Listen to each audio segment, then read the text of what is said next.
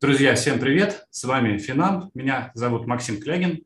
Начинаем наш стрим. Сегодня поговорим о перспективах развития российского фондового рынка. В гостях у нас гендиректор Санкт-Петербургской биржи Роман Горюнов. СПБ биржи. СПБ биржи. Роман расскажет нам о планах развития площадки, о том, какие новые цели, акценты в изменившихся условиях и ответит на вопросы инвесторов. Роман, приветствую, спасибо большое, Добрый день. что присоединились к нам. И первую очередь, Роман, до сих пор не все инвесторы разобрались, что же произошло. Расскажите еще раз про причины и принципы обособления бумаг в НРД.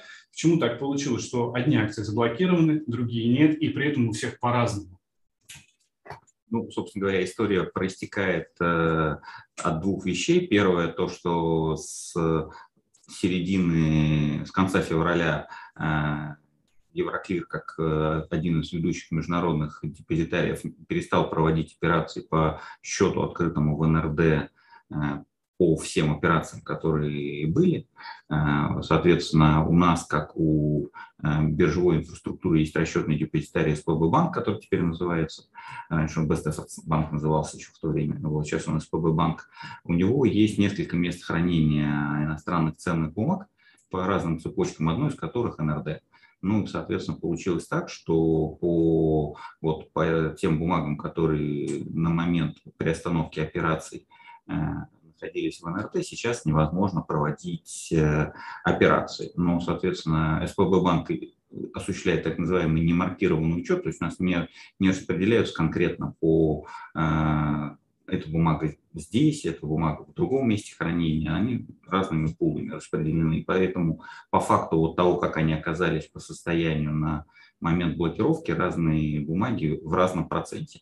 Соответственно, была осуществлена блокировка, э, до блокировка пропорционально позиции участников на момент, когда мы осуществляли вот эту доблокировку в конце мая. Соответственно, мы смотрели, сколько всего бумаг того или иного эмитента у нас есть, и сколько из них находится в НРД и пропорционально по всем участникам распределяли. Ну, с учетом там, небольшого количества особенностей, например, кто-то из участников зачислял нам после 24 февраля бумаги э, в кастоди из других внешних депозитариев, они тогда в расчете не учитывались. Но ну, это минорное изменение, в целом все пропорционально получили. За месяц как-то ситуация изменилась, а вы какую-то работу в этом направлении ведете.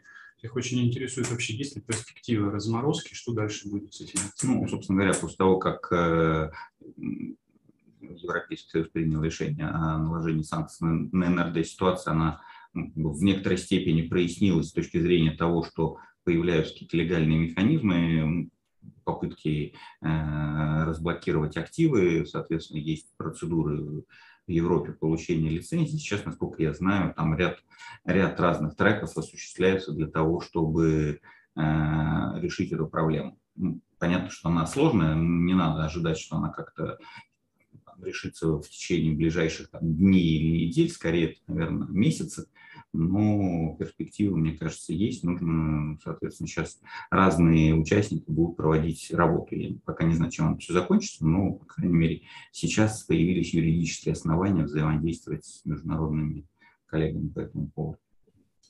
А что, в принципе, сейчас инвестор может делать с этими бумагами? ну, с этими бумагами он может переводить э, внутри НРД, может э, на OTC совершать сделки внутри нас переводить от разного э, одного брокера к другому. То есть не биржевые сделки возможны? Эти бумаги могут являться залогом или они не ликвидны сейчас? Ну, я думаю, что с точки зрения залогов э, их сложно брать в обеспечение, потому что непонятно, какая оценка этого, этого залога, поэтому скорее проблема в том, что невозможно оценить э, стоимость этих бумаг. Они с точки зрения реализации. Ну, котировка есть, а бумаги не ликвидны, поэтому, соответственно, непонятно, ну, котировка, как ее которая на международном рынке не очень релевантна по сравнению с, э, с тем, что есть в заблокированном внутри НРД. При этом, если я хочу собрать а, все бумаги, которые оказались у меня заблокированы на одном счете у одного блокера, э, брокера, для этого нет никаких препятствий. Я правильно. могу их переводить, они остаются моими, но да. я не могу ими а, распоряжаться в рамках рыночных да. сделок. Абсолютно точно. Инвесторов наших интересует еще такой момент. А есть ли какие-то перспективы по возобновлению а, операций с европейскими бумагами? Германия, Лондон. Что происходит на этом Ну, там очень сложно там, затруднены расчеты в э, европейских валютах, поэтому там перспективы не очень, э, честно говоря, пока радостные, пока мы разбираемся с этой ситуацией, но механизмы непонятны. Как вообще развивается ситуация с взаимодействием с западными партнерами? А, улучшилось ли а, что-то, есть ли больше взаимопонимания, да, есть ли какой-то диалог, либо наоборот вы видите какие-то новые риски? Мне кажется, ситуация меняется по мере изменения общей ситуации на рынке. Все время что-то меняется. Ну, как бы, диалог есть, он достаточно конструктивный, поэтому понятно, что мы сейчас находимся в ситуации, когда реализуются риски, про которых, в принципе, никто даже раньше не представлял. Ну, поэтому представить себе окончательно, что же может быть э, через какое-то количество времени достаточно сложно, но вот в нынешних условиях мы предпринимаем все усилия, чтобы обеспечить работоспособность инфраструктуры. Это наша главная задача продолжает оставаться. Поэтому, естественно, что мы э, находимся в диалоге и в постоянном мониторинге ситуации, которая происходит.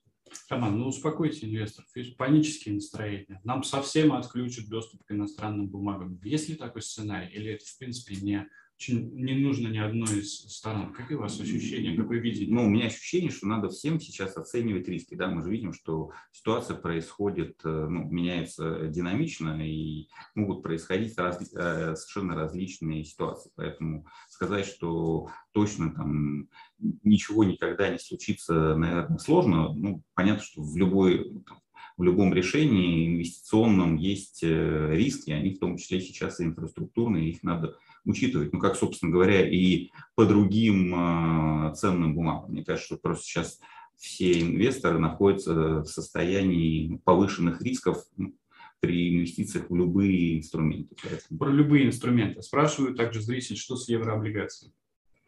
С еврооблигациями на самом деле такая же примерно проблема с точки зрения того, что большая часть из них заблокирована внутри НРД и точно так же как бы, связь с международным рынком потеряна по ним.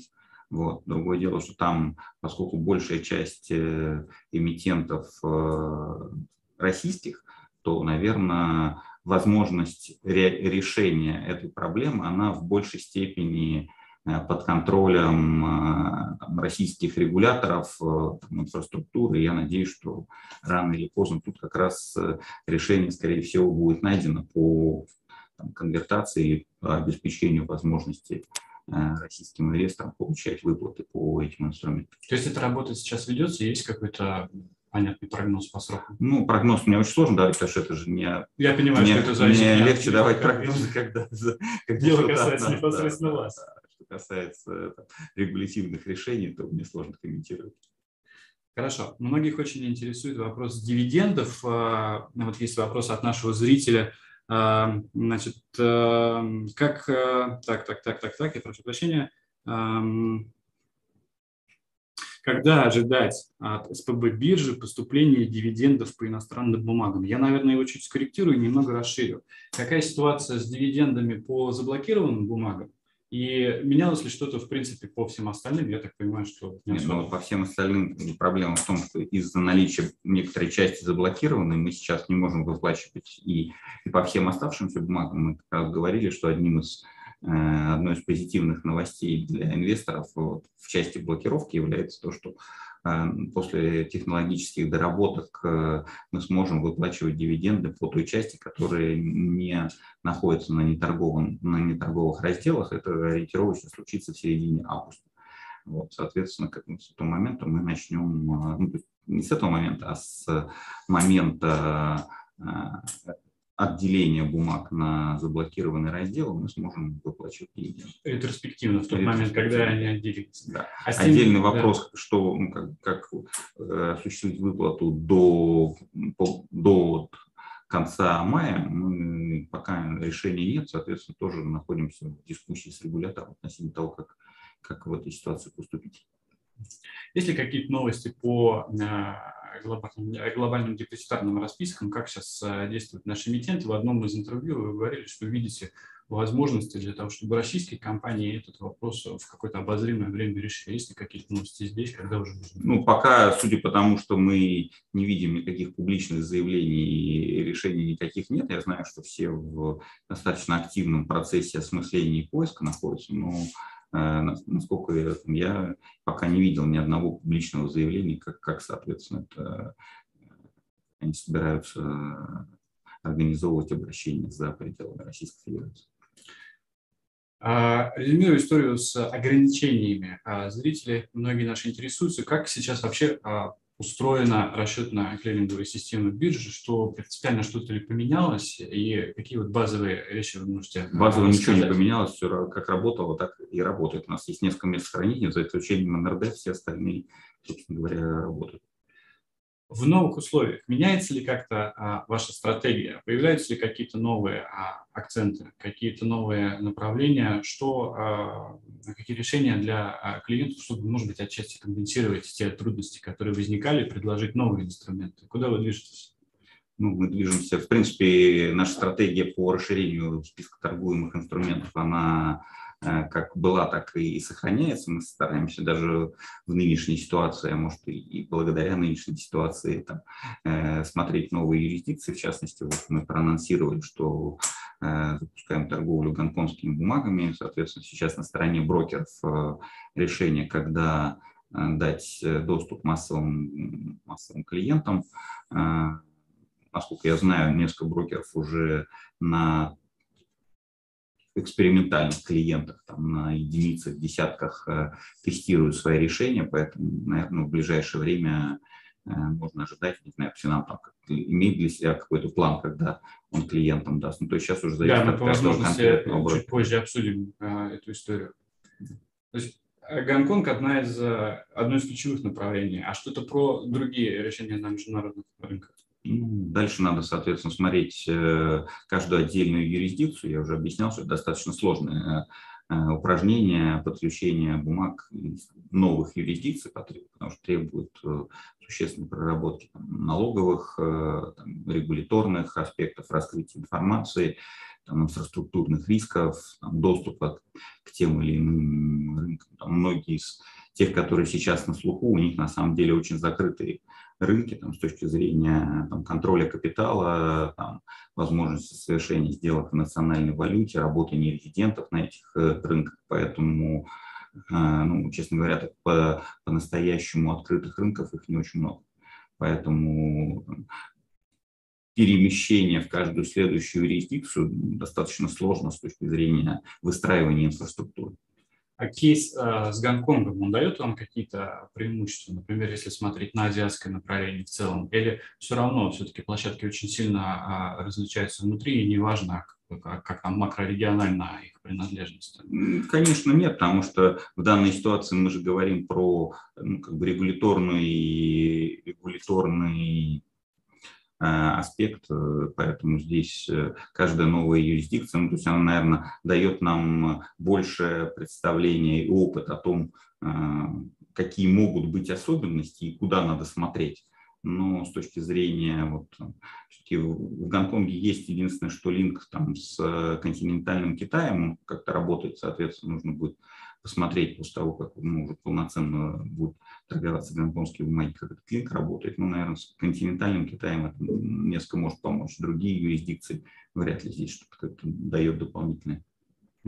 А с чем связано постепенное увеличение количества бумаг, которые будут доступны инвесторам на Гонконге? Сначала только дюжина, а к концу года 200.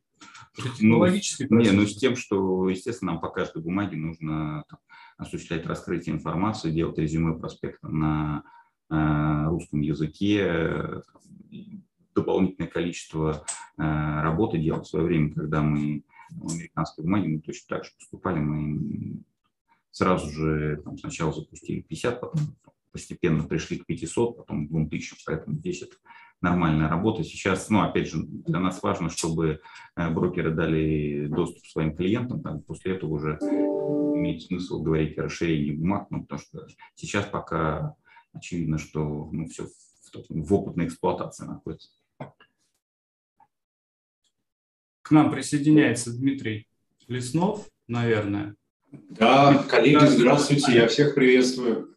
Здравствуйте, Дмитрий Здравствуйте, Леснов, Дмитрий. руководитель управления мониторинга клиентского сервиса финансовой группы «Финам». Дмитрий, спасибо большое, что к нам присоединились. А, а какие есть а, у нас а, вопросы по взаимодействию именно по а, теме Гонконга с э, СПБ биржей ну, у нас для клиентов хорошие новости. Мы буквально вчера завершили тестирование доступа клиентов к акциям гонконгской площадки у нас на Петербургской бирже.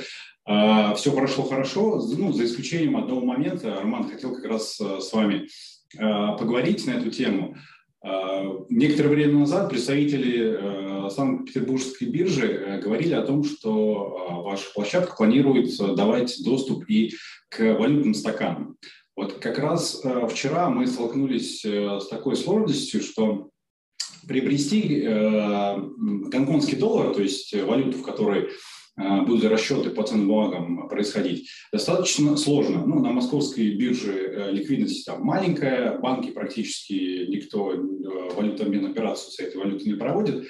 И вот как раз вопрос у меня к Роману с этим. Планируется ли в ближайшем будущем добавление хотя бы э, вот этого валютного стакана, там, рубль, э, гонконгский доллар или доллар, американский гонконгский доллар, для того, чтобы ну, и клиентам было проще э, оперировать на этой площадке, ну и брокеры тоже имели возможность достаточно легко и быстро обеспечить э, валютную подушку для того, чтобы а, проводить расчеты с э, гонконгскими ценными бумагами. Скажите, пожалуйста, какие планы у вас на этот счет?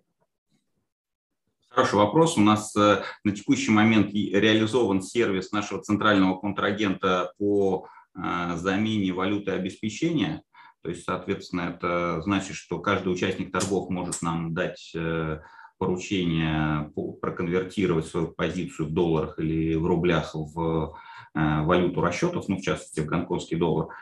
Там курс э, рыночный, соответственно, там, центральный контрагент свои риски хеджирует, и, соответственно, таким образом проблему неликвидности гонконгского доллара в моменте можно решать. Но в целом мы, конечно, с участниками находимся в стадии обсуждения того, чтобы сделать стакан, но пока финального решения нет. Вот сейчас э, предлагаем пользоваться сервисом вот этим нашим по э, конвертации валюты обеспечения. И спасибо. Спасибо большое, Роман. Частый вопрос. Что с утренними торгами? Когда возобновите? Ну, мы в финальной стадии обсуждения с э, участниками, с маркетмейкерами относительно э, возможности э, возобновить торги утром, поэтому я думаю, что ну, как раз запуск Гонконга и активное привлечение клиентов туда будет способствовать тому, что ну, не только гонконгский, ну, странно торговать э, локалкой Алибабы и при этом не торговать ЦДРом Алибабы, наверное, на нее, поэтому связанные вопросы, так что в течение ближайших недель все будет уже. Аналитическая поддержка для э, инвесторов, которые хотят э, работать на гонконгской бирже от э, СПБ биржи какая-то У нас есть проект аналитический Bestox, и, соответственно, в рамках него мы будем по аналогии с американскими бумагами давать поддержку и по гонконгским бумагам, и соответственно, предлагать это брокерам, брокеры будут своим клиентам предоставлять. Один из частых вопросов, а что с доступом нерезидентов из дружественных стран? И вообще часто интересуются, какие планы у СПБ биржи на, рынке Казахстана? Как э, да, ну, мне кажется, ну, вообще не очень, не, не очень связанные вопросы, да, то есть доступ нерезидентов, он э, дискуссионный сейчас на уровне, опять же, регулятора, потому что для регулятора в целом как бы вопрос э, дружественные и недружественные резиденты достаточно неочевиден, потому что мы же понимаем, что дружественный может стать, недружественный может стать дружественным достаточно быстро в результате какого-то количества транзакций. Вот, поэтому здесь, наверное, скорее надо говорить про, в принципе, доступ нерезидентов на российский рынок. И здесь нам кажется, что время том или ином виде там, смотреть, возвращаться к э, стандартному, стандартной работе рынка. Понятно, что есть очень много разных вопросов и нюансов здесь как бы, политически-экономических, поэтому это вопрос регулятора, который должен определиться с позицией и, и высказать ее, и тогда уже, соответственно, участники там, биржи будут подстраиваться под эту позицию. Вот. То, что касается Казахстана, другая история, она связана, наверное, с нашим э, международным э, развитием как э, предоставлением ликвидности нашей международным инвесторам. Понятно, что в рамках СПБ биржи на текущий момент это практически нереализуемо, поэтому мы смотрим возможные партнерства с другими международными финансовыми центрами, как технологический партнер, как э, э, платформа, которая обладает э, ноу-хау, бизнес-моделью по созданию ликвидности по широкому кругу международных акций. Ну, пока это все в процессе таком, обсуждения, дискуссии, конкретных, конкретных решений пока нет. Но это не касается Казахстана, только Казахстана, это касается широкого круга международных площадок. Есть ли какие-то планы по другим новым инструментам или решениям, которые были бы полезны и выгодны клиентам, с которыми вы сейчас работаете и можете нам а, рассказать? Ну, понятно, что рынок поменялся, и, в принципе, есть большое количество там, э, запросов э, и э, попыток что-то придумать, какие-то инструменты, которые сейчас могут быть наиболее активны. Наверное, лучше рассказывать про то уже, когда что-то будет запускаться, да, потому что там, понятно, что много всяких разных э, направлений в тесном контакте с участниками находимся, поэтому практически постоянно приходят, звонят, спрашивают, давайте вот это, давайте то, поэтому сейчас скорее мы не испытываем недостатка в идеях, а больше вопрос в том, как в нынешней ситуации эффективно с минимальными рисками для инвесторов для инфраструктуры реализовать те или иные там, инвестиционные идеи. Ну, идеи в каком направлении? Просто очень, конечно, интересно знать хотя бы о том, а, а, куда движется биржа, какие векторы, инструменты какого а, характера ну, в том или ином виде все смотрят на коммодити, и не говорю, что там надо какие-то там коммодити биржи делать, но различные там структурные продукты, там структурные ноты разные приходят э, участники, спрашивают, как можно такие или другие инструменты.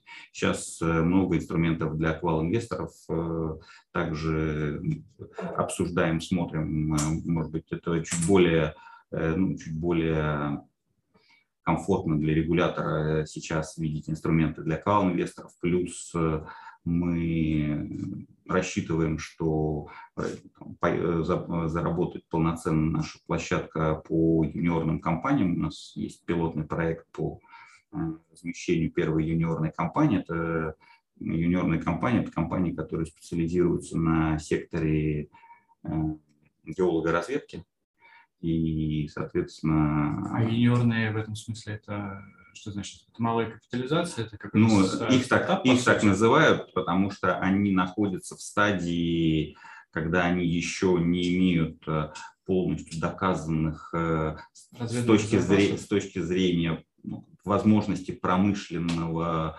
промышленной добычи запасов, то есть у них есть уже там, подтверждение, что на том или ином месторождении есть определенные запасы, но они не доказаны с точки зрения эффективности экономической добычи, скажем так, uh-huh. вот, экономической эффективности добычи. И, соответственно, вот для того, чтобы это доказать, им нужно провести дополнительные, э, дополнительные разведывательные работы, но их можно сделать только за счет уже существенных вложений. Там, ну, это такой промышленная геологоразведка, которая требует э, инвестиций. Да, и получается, что у них, у них период, когда еще э, они не вышли на стадию, когда уже можно что-то строить, но при этом надо осуществить существенные финансовые вложения для того, чтобы провести финальную разведку. На это, на это время, как на несколько месяцев или пару лет, э, соответственно, требуется финансирование. Долговое финансирование невозможно привлечь под это, потому что просто ну, залог ничего не дашь, э, соответственно, денежного потока нет, поэтому, скорее всего, долговое финансирование здесь не, невозможно, а, соответственно, наиболее разумное здесь финансирование это в виде equity. В мире есть примеры таких успешных площадок. Одна в Торонто, другая в Австралии. В принципе, наши вот юниорные компании долгое время именно туда и ходили. Вот. Но сейчас понятное дело, что туда никто не, уже не пойдет. Поэтому, соответственно, идея сделать такую площадку у нас. И самое интересное, что в целом, как бы с точки зрения э, возможностей для инвесторов, ну, вот, изменение стоимости этих компаний, оно, в принципе, вообще не будет зависеть от э, индекса там, прочих событий, оно будет зависеть вот от эффективности проведения вот этих геологоразведочных работ. Да, как бы, соответственно, если там, запасы подтверждаются, то капитализация там вырастает несколько раз, потому что уже компания может либо быть продана стратегу, либо выйти на рынок для того, чтобы привлечь капитал для э, уже непосредственно добычи. А в чем получается принципиальное отличие от того, что эта компания становится публичной? Это как секция, где есть специальные условия для Это будет специальная секция, это будет специальная секция, она будет ориентирована на квал инвесторов. Вот, э, соответственно, как раз потому что все-таки мы понимаем, что здесь риски, они достаточно высокие, но при этом потенциал в России огромный, потому что выдано порядка 10 тысяч лицензий, большинство из них, в принципе, не используются ровно потому, что вот на определенном этапе э, вот проведения геолого-разведочных работ Э, очень сложно привлечь финансирование. Поэтому как бы, хотим создать такой механизм, который будет стимулировать больше разведку делать, и, соответственно, появится как раз механизм привлечения э, средств в капитал на этапе геологой разведки. Спасибо. Дмитрий, а, к вам вопрос. А какие э, вы можете рассказать интересные новости о взаимодействии с СПБ биржи, о новых инструментах и решениях, которые готовите для клиентов что хотят инвесторы, чем мы отвечаем? А, ну, стоит э, в первую очередь сказать, что э, несколько недель назад мы предоставили нашим клиентам э, доступ к российским ценным бумагам, которые торгуются на Санкт-Петербургской бирже. Ну, все долгое время ассоциировали Санкт-Петербургскую биржу именно с торговлей иностранными ценными бумагами. Вот. Ну, некоторое время назад Санкт-Петербургская биржа расширила набор инструментов, добавила туда российские акции. И вот наши клиенты имеют э, техническую возможность э, приобретать российские акции на Санкт-Петербургской бирже. Вот, это такое самое основное из последних э, новостей, которые ну, были бы интересны широкому кругу наших клиентов. А какие в целом а, есть а, новые запросы? Что, на ваш взгляд, Дмитрий, изменилось на рынке за последние 4 месяца? Вот а, иностранные бумаги, что ждут от IPO, что поменялось, как мы будем жить в новых условиях? Новых в первую очередь, конечно, сейчас мы живем в период повышенной неопределенности, инвесторы все это чувствуют. Э, ищут варианты диверсификации своих э, портфелей. И э, еще раз подчеркну, что доступ к гонконгским ценным бумагам на Санкт-Петербургской бирже – это очень вовремя сделанный шаг, и мы надеемся, что ну, буквально, я думаю, что через там, неделю наши клиенты смогут одними из первых в массовом порядке совершать там сделки. Поэтому действительно запрос на э, расширение более безопасных инструментов инвестирования сейчас э, стоит во главу угла у многих наших клиентов, поэтому действительно мы считаем, что это будет э, шаг в верном направлении. Я надеюсь, что совместно с Санкт-Петербургской биржей мы будем расширять набор этих инструментов. Наши клиенты действительно чувствуют в этом необходимость, поэтому мы всячески будем прилагать максимум усилий для того, чтобы удовлетворить запросы наших клиентов. Спасибо большое, Роман. По вашим ощущениям, по вашим э, статистике, наблюдениям, как меняется рынок, что главного произошло за 4 месяца и что нужно инвесторам сейчас в первую очередь дополнить? Ну, мне кажется, главное, что произошло, инфраструктура работает. Вот, и рынок работает, и, и это, мне кажется, самое главное достижение. Несомненно, когда мы месяц сидели, э, сидя, ощущение было намного хуже. Да, Сейчас поэтому, все работает, поэтому, и слава богу. Поэтому мне кажется, что это уже отличный, отличный результат этих четырех месяцев. Вот. Что касается дальнейших движений, то, конечно, э, поменяется многое, мне кажется, и модель привлечения клиентов поменяется, потому что сейчас мы, мы знали, что основные клиенты приходили через банковские сети, сейчас, наверное, ситуация будет меняться, и вот, там, собственно говоря, там, во многом перераспределение клиентов произошло сейчас, и больше клиентов в брокерские компании пришло, и мне кажется, наверное, с этой точки зрения даже для брокеров э, чуть э, ситуация стала лучше, клиентов стало Роль больше. брокеров растет, да, безусловно. Роль брокеров, вот. Другое дело, что нужно будет э, сейчас всем Просто мы поставили очень высокую планку качества продукта. Мне кажется, что в России был создан один из самых конкурентных продуктов в мире вообще с точки зрения работы с ритейл-инвесторами. И, конечно, вот это качество продукта, его нужно поддерживать, э, и, несмотря на там, все происходящие события. Вот. И я думаю, что это вызов для индустрии в целом, чтобы сохранить то качество, которое у нас э, было, и наполнить э, новыми продуктами, обеспечить миллион инвесторов, кто на рынок пришел, собственно говоря, качественными как, как сервисными решениями, так и продуктовыми решениями. То есть мы, ну, мы себя видим неотъемлемой частью продуктовой линейки брокеров, э, ну, брокеров в широком смысле, там банки и не банковские брокеры вот, в широком смысле, соответственно, вот, э, мы видим себя частью этой линейки.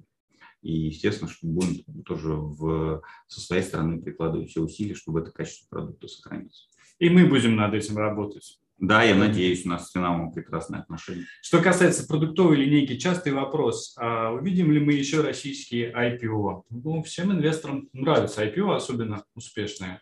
Ну вот э, про секцию юниорных компаний, где мы будем проводить первичное размещение, ну, то есть это ну, там, либо IPO, либо SPO, посмотрим. А, я уже рассказал. А когда по срокам, кстати говоря, чтобы Ну, я надеюсь, что первое размещение у нас произойдет там, либо в конце лета, либо там, в начале осени. Ну, просто все-таки август такой месяц э, сложный всегда для финансового рынка, для каких-то новых продуктов. Ну, соответственно, где-то э, конец лета, начало осени. Но в целом у нас есть уже там, определенные заделы там, по 10 эмитентов, с кем мы работаем, и мы будем стараться их э, тоже выводить на рынок после этого. Спасибо большое, Роман. Спасибо большое, Дмитрий. Мы благодарим вас за нашу встречу. А, и я думаю, что как только будут важные а, новости, а, будут реализованы новые инструменты и решения, о которых мы рассказывали, мы обязательно вас позовем и надеемся, что придете и расскажете нам подробнее еще. Конечно. Спасибо большое. Спасибо большое. Спасибо. Дмитрий, спасибо. Иван, всего доброго, до свидания.